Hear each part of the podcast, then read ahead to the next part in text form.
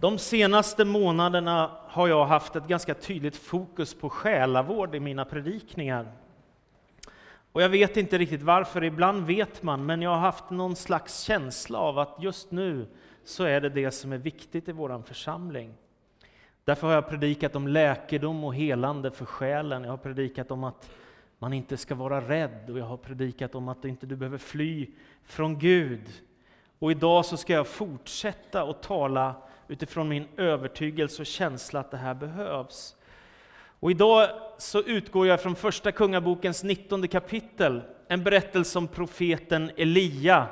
Och det var en vers där i kapitel 19 i Första Kungaboken som fastnade hos mig, som blev rubriken på min predikan. Och rubriken är Annars orkar du inte hela vägen. Annars orkar du inte hela vägen. Det är en vers i Första Kungaboken 19. Så häng med. Hur reagerar du i en situation i livet när det är väldigt smärtsamt? Hur reagerar du när du känner dig ensam och ledsen? Hur är det när besvikelserna översköljer dig och modet sviktar? När du funderar på hur du ska orka överhuvudtaget. Det är så lätt i sådana omständigheter och tillfällen att tänka, jag ger. Det är väldigt lätt. Jag kastar in handduken.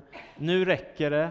Jag orkar inte mer. Det finns ingen framtid för mig. Jag är körd. Det finns inget hopp. Omständigheterna är bara för mycket. Så kan det bli ibland i livet. Och om du funderar på att ge upp, så vill jag påminna dig om några saker. Jag vill påminna dig om att Gud har omsorg om dig. Jag vill påminna dig om att han är trofast. Jag vill påminna dig om att han har gett oss sina stora löften. Jag vill påminna dig om Guds kärlek. Jag vill påminna dig om hans förlåtelse och barmhärtighet. Jag vill påminna dig om hans gudomliga makt och evighet. Jag vill påminna dig om att han är hos dig och att du inte är ensam. Det är evangeliets bekännelse.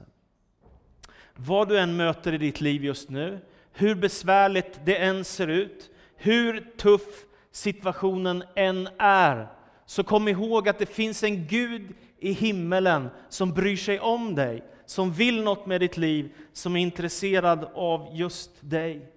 Och det står i Nya Testamentet att när man tar emot Jesus Kristus som frälsare och Herre, så flyttar han in i våra hjärtan och tar sin boning där. Han börjar leva där. betyder att han är dig närmare än någon annan i världen. Det betyder också att den Gud som vi tror på kommer vandra tillsammans med dig genom hela den prövning som du kan gå igenom ibland. Och därför behöver du lite mer mod att fortsätta framåt och inte ge upp. Så hoppas jag att den här bibelberättelsen och predikan ska hjälpa dig på din väg i livet. Första Kungaboken kapitel 19, vers 1 om profeten Elia och kung Akav. Akav berättade för Isabel allt vad Elia hade gjort och hur han hade dödat alla profeterna med svärd. Då skickade Isabel bud till Elia och lät säga Gudarna må straffa mig nu och framgent om jag inte redan imorgon låter dig möta samma öde som dessa profeter. Elia blev rädd och flydde för sitt liv. Han kom till Bersheva i Juda. Där lämnade han kvar sin tjänare. Själv gick han vidare en dagsled ut i öknen och efter vandringen satte han sig under en ginstbuske och önskade sig döden. Det är nog, sa han. Ta mitt liv, Herre. Jag är inte bättre än mina fäder.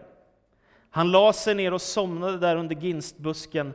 Då kom en ängel och rörde vid honom och sa, stig upp och ät.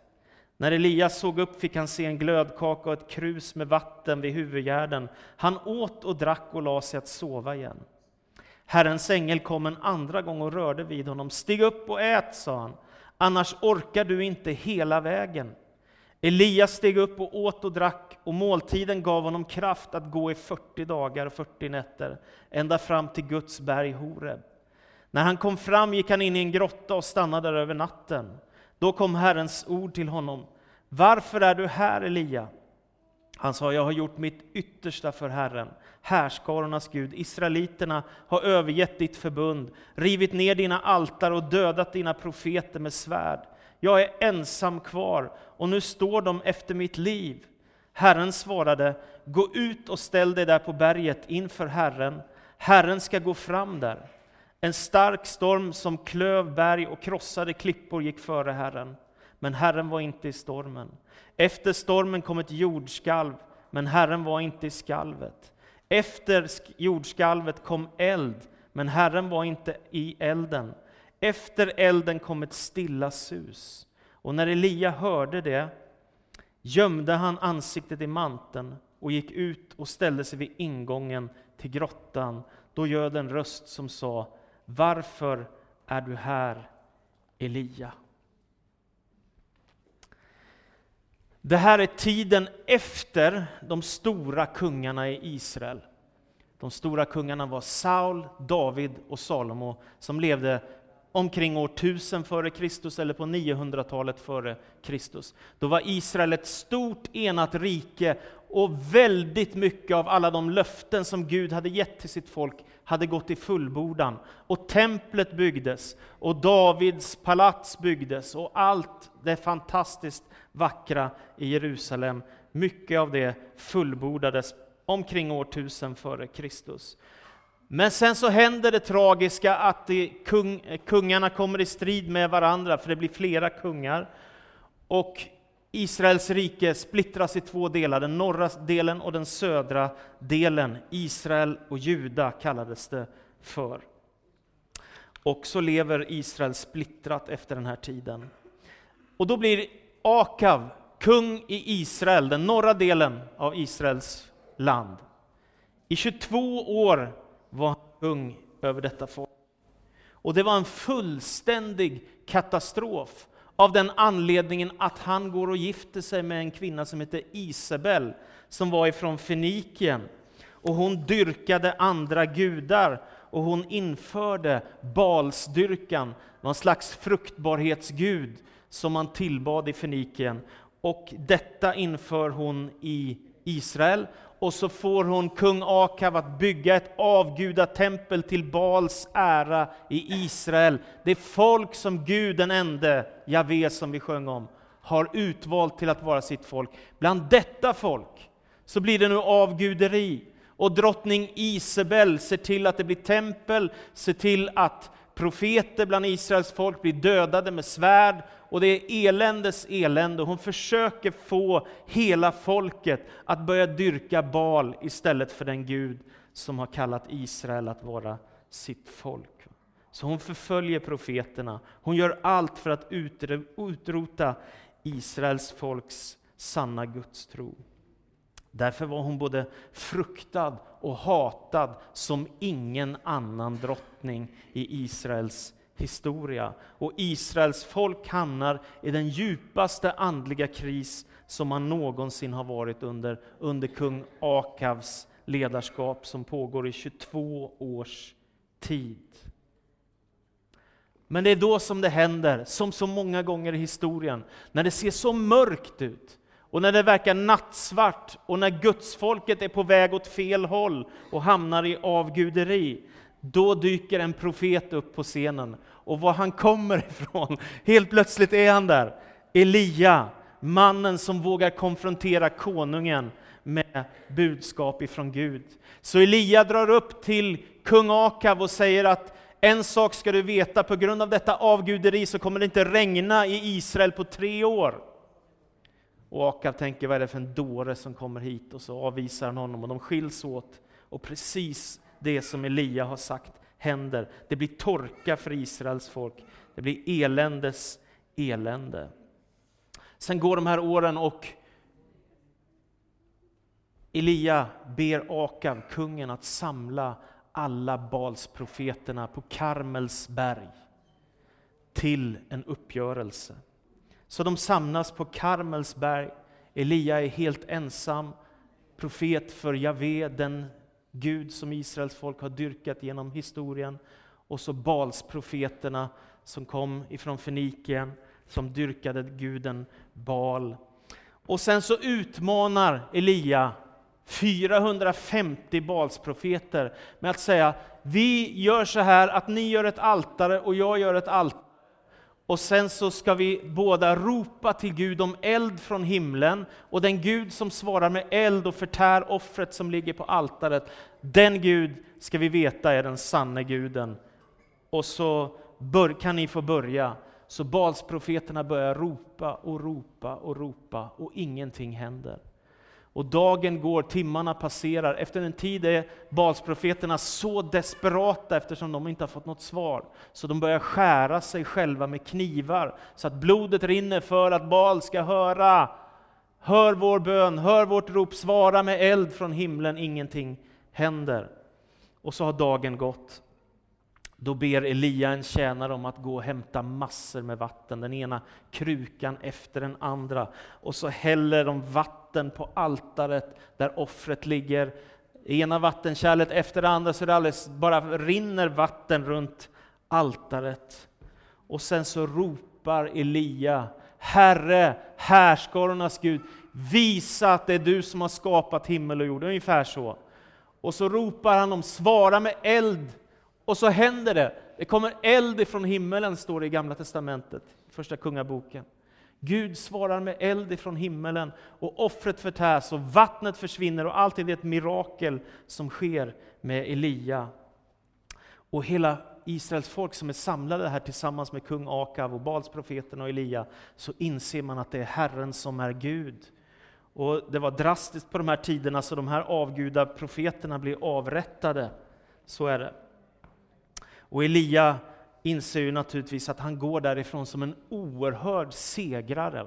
Det har varit kamp om vilken Gud man ska dyrka, om man ska gå in på avguderiets väg eller om man ska hålla sig till den Gud som har kallat Israels folk. Och nu har han segrat, nu har han vunnit och Balsprofeterna finns inte kvar.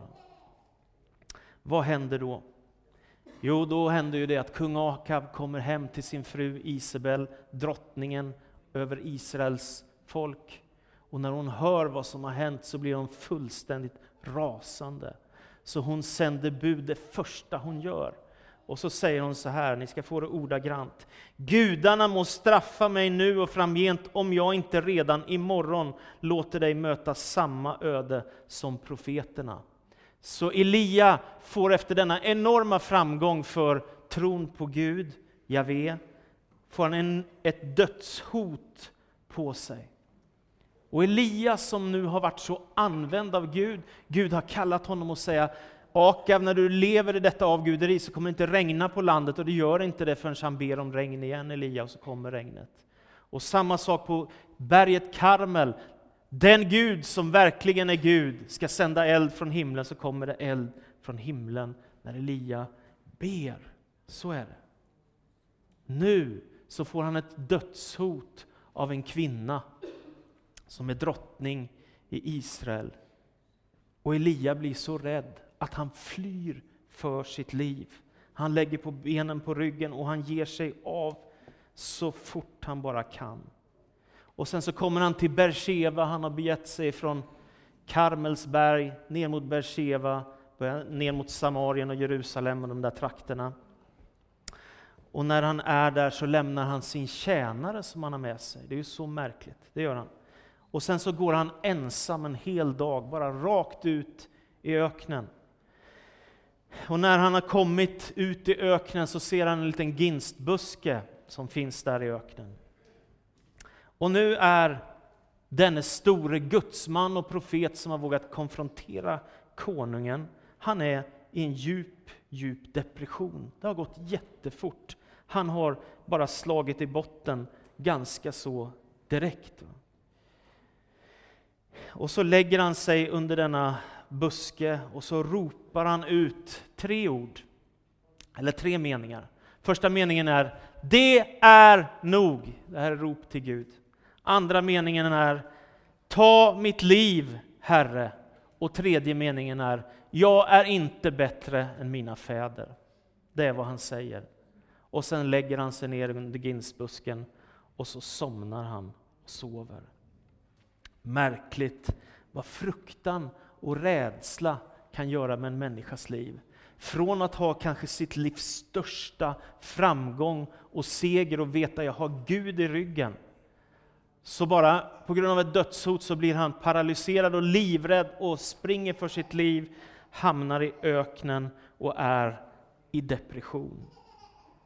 Han vill bara dö. Det är märkligt hur en sinnesstämning kan svänga en människas liv, från toppar ner till dalar och upp igen och ner igen. Visst är det märkligt med oss människor, hur livet förändras, ibland så fort. Rädslan i Elias liv tar honom djupt ner i mörker, ner i depression.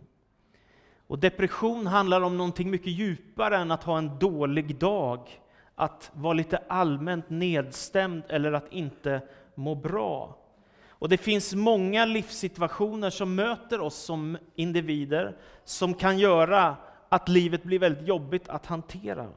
Man kan bli illa behandlad i skolan och känna att man känner sig värdelös. Man kan bli uppsagd från jobbet och känna, vad ska jag göra nu? Eller man kan ha alldeles för stor arbetsbelastning som man känner, jag pallar inte med, jag klarar inte av allt det här jobbet som behöver göras. Eller man kan vara framgångsrik i sitt företag och helt plötsligt så svänger det till sådär i samtiden och de saker man har att sälja kanske inte längre är värdefulla och så går företaget i konkurs. Eller man kanske krisar i sitt äktenskap och är på väg mot skilsmässa och livet känns bara sådär sanslöst jobbigt. Man kan förlora sin hälsa och bli sjuk och kämpa med sitt liv, hur man ska orka vidare. Man kan förlora en vän eller en livskamrat. Människor kan drabbas av många olika svårigheter och då är det inte så konstigt att man blir lite nedstämd eller sorgsen. Och det kan också leda människor in i depression, in i mörka perioder. Min känsla är att det ganska ofta händer människor när man är i övergångstider. Alltså ni vet de här klassiska, att man, man, man blir 40 år och helt plötsligt så inser man att nu har en ganska stor del av mitt liv bara passerat. Eller man blir föräldrar och man blir jättelycklig men inser helt plötsligt att hela min ungdomstid ligger bakom. Eller man, blir, man får inte det där chefsuppdraget som man väntade på på jobbet utan det var någon annan som fick det. Och helt plötsligt funderar på hur ska jag göra nu? Vad ska jag göra med mitt liv nu? Eller man går från att ha varit chef på ett arbete till att bli pensionär och funderar på vad ska jag göra med all min tid nu? Jag som hade så mycket att göra och alla ställde frågor till och nu, vad ska jag göra istället? Sen vet jag att det kan ju finnas barnbarn och sånt som gör att, att man blir fullt upptagen ändå. Så, ja, ja visst, jag inser det. Men, men ni förstår vad jag menar. Jag tror att det är de här övergångstiderna som ofta är smärtsamma, alltså från att vara frisk till att bli sjuk, eller från att ha fullt upp till att inte ha något att göra, eller sådana saker. Det är svårt att hantera som människor, eller förluster och sorger. Det är tufft att hantera. Profeten Elia han hade varit ett enastående språkrör för Gud i tre års tid. Han hade fått vara med om enorma mirakler, fler än de flesta, av större dignitet än de flesta i Bibelns historia. Många mirakler hade skett som svar på hans bön. Men nu så är han i en helt annan situation. Han är i sånt mörker att han vill dö. Han ropar till Gud, ta mitt liv Herre. Och då tänker jag så här, har, nu, nu har han hamnat i det här kortsiktiga perspektivet. Om han bara hade tänkt lite till, vad kommer hända nu? Gud, du som har varit med mig förut, vad kommer hända nu? Och hade han bara liksom lugnat ner sig lite, så hade han kunnat veta att det kommer gå bra framöver här. Gud kommer vara med mig. Och det är inte jag som kommer att dö, det är Isabel som kommer att dö. Är ni med? Om han bara hade lugnat sig lite och låtit lite tid gå. Istället blir han så här desperat. Ta mitt liv, Herre! Jag vill inte leva längre, nu räcker det för den här dödshotet som ligger över honom. Det är nog för mig. Och då vill jag säga så här, låt inte människor göra dig olycklig. Alltså låt inte andra människors ord tränga så djupt in i ditt hjärta att du blir olycklig i din vardag. Utan sätt upp garden på det sättet och var redo att stå emot sådana saker. Va? Men när människor är ute för att göra dig illa, såra dig eller skada dig. Va? Tillåt inte andra människor att stjäla din glädje. Tillåt inte det. För det kommer inte hjälpa dig på något sätt, jag är helt säker på det. Det finns många anledningar till att man kan hamna i de här dalarna, vågskålarna, att livet blir tufft. Och jag vet att om man kämpar med nedstämdhet, om man kämpar med tuffa omständigheter, då är det inte bara att lägga på ett smile och tänka att det blir bättre, bättre imorgon, utan det är en tuff kamp. Så vad ska man då göra om man hamnar i sådana här svårigheter som profeten Elia gjorde? Det första jag vill skicka med, det är detta. Fokusera inte för mycket på dina problem. Fokusera inte för mycket på dina problem. Varför? Därför att det räcker ju med att du har problem. Du behöver inte förstärka det med att grubbla, älta, tänka en gång till, ett varv till. En, alltså, är ni med? Det kommer inte hjälpa dig att ta dig ur det som du behöver ta dig ur. Det betyder inte att man kan glassa fram när livet är tufft, det är inte det jag menar. Men jag menar att om man fokuserar för mycket på sitt problem så blir man olycklig. Det finns alltid två sidor av samma mynt. Man kan välja att tänka det har varit solsken idag, eller så kan man tänka det var lite molnigt ett tag. Eller hur? Alltså man kan alltid välja perspektiv, i alla fall lite grann. Och det gör skillnad vilket perspektiv man väljer. En av de skönaste medlemmarna vi har i den här församlingen, han heter Per Degeryd. Han är pappa till vår ungdomspastor och jag kom upp i veckan här på expeditionen och, och så frågade han, hur är det med dig? Jo, alltså, det, det är ganska bra, men jag har några bekymmer, sa jag. Bara några, sa han. Det låter bra, sa han. Så på härlig värmländska. Lite problem, det är väl inget, så här, ungefär så sa han. Och det är märkligt faktiskt vad det gör med att möta en glad människa och bara få sån feedback, eller hur? Istället, åh stackars, det har lite bekymmer. Det var ju... Alltså, eh, jag menar inte liksom, ni, ni förstår vad jag menar. Att uppmuntra, att lyfta, att glädja sig tillsammans med andra, att ge goda ord. För det hjälper ju inte att vara ledsen, det hjälper inte, problemen försvinner inte på grund av det, va? de är kvar. Och jag lyssnade på en föreläsare här i veckan som sa så här, jag har slösat alldeles för mycket av mitt liv på att vara ledsen över sådant som jag inte kan göra något åt. Är ni med?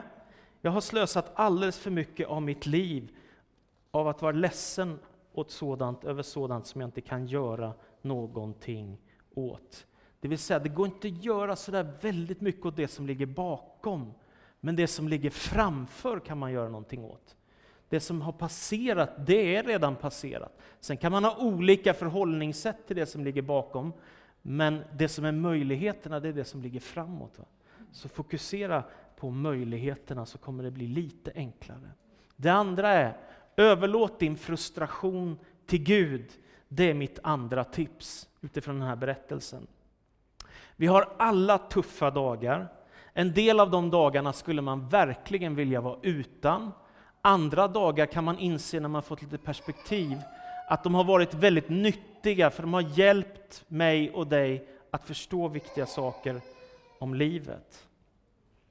Ändå när de där tuffa dagarna kommer, då är det lätt att förlora sitt hopp. Det är lätt att inte se någon framtid, det är lätt att känna jag har kört fast, hur ska jag komma vidare ur detta?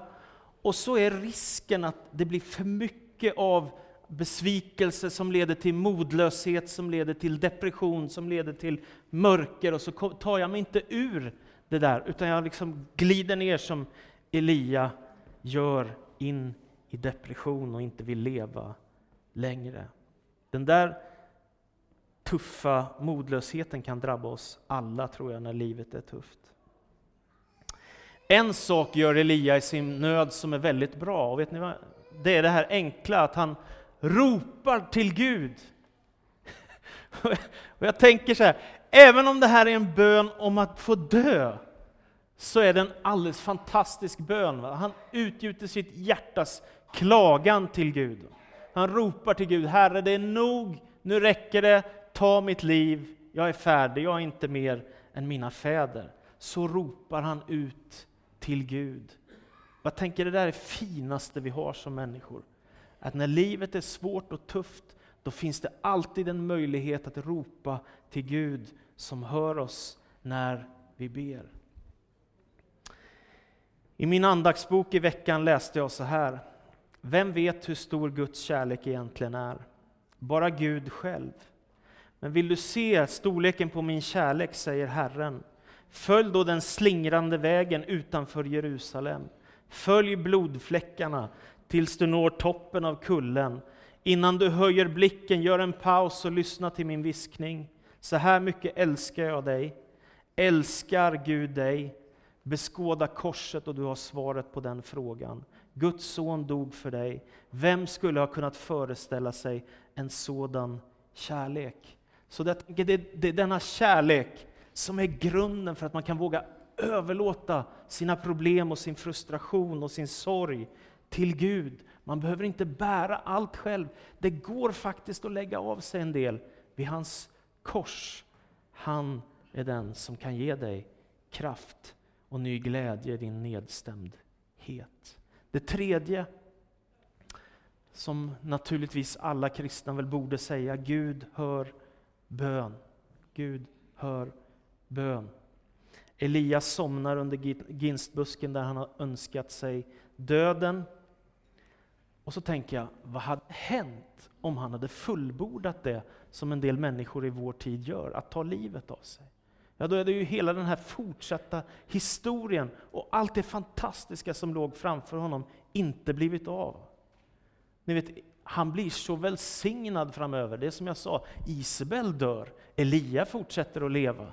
Och han får gå och smörja en ny konung. Han får gå till Elisa som blir hans lärjunge och träna upp honom som får ta över hans tjänst och fortsätta det verk som han har gjort. Elia och sen Elisa. Och när Elia är färdig med sitt livsverk, då kommer Herren och hämtar honom.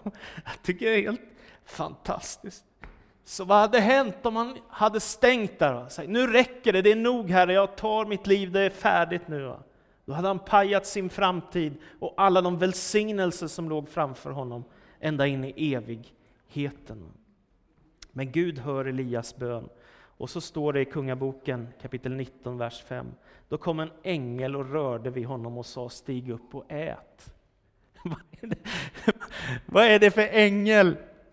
Mat! Kunde han inte ha sagt liksom, Herren har hört din bön, du är välsignad och du, Isabel kommer att dö och han ska beskydda dig. Nej, ängeln säger stig upp och ät. Så mänskligt, visst är det skönt? Gud hör hans bön och han får ett svar, stig upp och ät. Det första botemedlet mot Elias depression var god mat. Det låter väl bra? Va? Ibland kan en god måltid, gott om sömn, bara att få be till Gud göra att livet blir så mycket ljusare. Och så står det i vers 7. Herrens ängel kom en andra gång och rörde vid honom och sa stig upp och ät, annars orkar du inte hela vägen. Och det, där, det var den versen som fastnade hos mig, som kanske en hälsning till någon att om du inte har Gud nära i ditt liv, då kanske du inte orkar hela vägen. Och det är därför du behöver ropa till Gud och utgjuta ditt hjärtas nöd till honom. Annars orkar du inte hela vägen. Men om du vet att Gud är hos dig, då kan du klara dig igenom både en och annan prövning, eller hur? Annars orkar du inte hela vägen. Behöver du kraft i ditt vardagsliv, så fortsätt att be det är så viktigt att få uppleva Guds kraft när livsomständigheterna är svåra. Det fjärde, Guds närvaro, det kan ge dig nytt mod. Så är det. I Första Kungaboken kapitel 19, vers 10 och 11 så står det, då kom Herrens ord till Elia. Varför är du här? Och han sa, jag har gjort mitt yttersta för Herren. Jag är ensam kvar och nu står de efter mitt liv. Herren svarade, gå ut och ställ dig på berget inför Herren, Herren ska gå fram där. Och i en engelsk översättning som jag läste stod det så otroligt vackert, The presence of the Lord will pass you. Alltså Guds närvaro kommer att passera dig om du bara ställer dig där på klippan, på berget. Ibland behöver man göra sådana aktiva handlingar och inte bara sitta ner i sitt mörker utan faktiskt billigt talat eller bokstavligt talat gå ut på ett berg för att ställa sig Herre, jag behöver dig. Jag behöver din kraft. Jag behöver dina välsignelser. Jag behöver din hjälp, jag behöver din styrka, jag behöver din tröst, jag behöver din förlåtelse. Jag behöver din vägledning, jag behöver din vishet. Hjälp mig, Herre. Och de gånger i mitt liv när jag upplevt Guds närvaro, så har det blivit så tydligt att med detta kan jag leva och dö.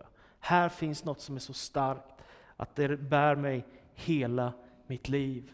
Guds närvaro ska gå förbi dig. Och då är det häftiga här nu, att Elia är vid samma ställe som Mose var när han fick ta emot de tio budorden ifrån Gud. Nu står också Elia här vid Horebsberg, Sinai. Och där Mose fick de tio budorden och fick höra Gud tala, så står nu Elia och han får höra Gud tala på samma plats som Mose stod långt, långt tidigare. Rick Warren han skriver så här, om du är deprimerad, ta då din bibel och gå till en tyst och stilla plats. Kanske vid havet eller sjön eller i parken eller skogen. Sätt dig och läs och var ensam med Gud. Låt Gud älska dig och tala till dig. Låt honom möta dina behov och känn hans närvaro. Ja, för mig finns inget större än att få känna att hela mitt liv är inkluderat i Gud. Jag finns, jag lever, som Paulus säger, jag lever och rör mig i honom. Han är mitt allt, som Hanna sa förut i vittnesbördet. Kanske kan ingenting göra en människa så tacksam som att få inse att jag är större, jag är del av en större verklighet. Gud själv. Och det femte och sista. Sök en ny väg för ditt liv.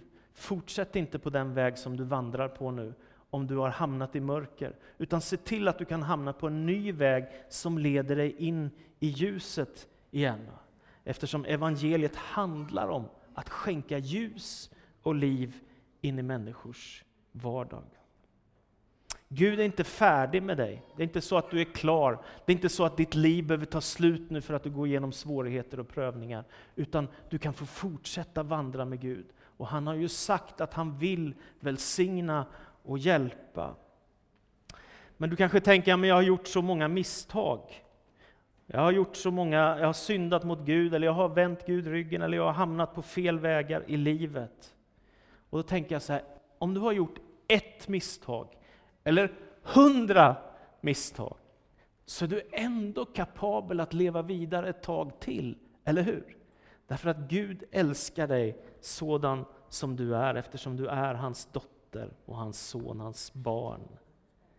Och Gud säger i den sextonde versen i Första Kungaboken 19, vänd tillbaka och ta vägen till Damaskus öken och gå in i staden.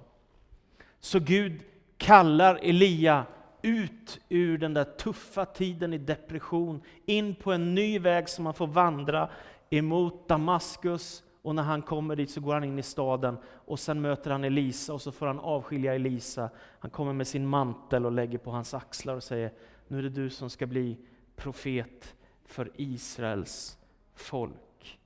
Tänk om Elia hade kört fast i sina suicida tankar. Tänk om han hade gett upp, vilken ofattbar tragedi. Men istället så ropar han ut sin nöd och sin kris till Gud, och Gud hör hans bön, och Elia kommer ut ur depressionen, och Elia blir använd av Gud en gång till, och Elia får lämna över sin tjänst till nästa generation, till Elisa.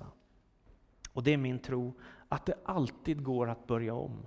Det är aldrig för sent. Det går alltid att börja om. Gud ger en ny chans och en till och en till och en till och en till och en till. Och är det någon som kan säga när det tar slut?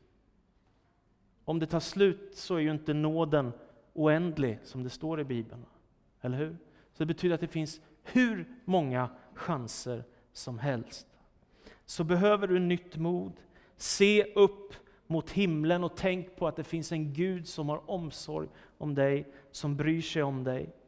Tänk på det som ligger bakom dig. Att Gud faktiskt har varit trofast, många gånger visat sin kärlek i det som ligger bakom dig och är historia.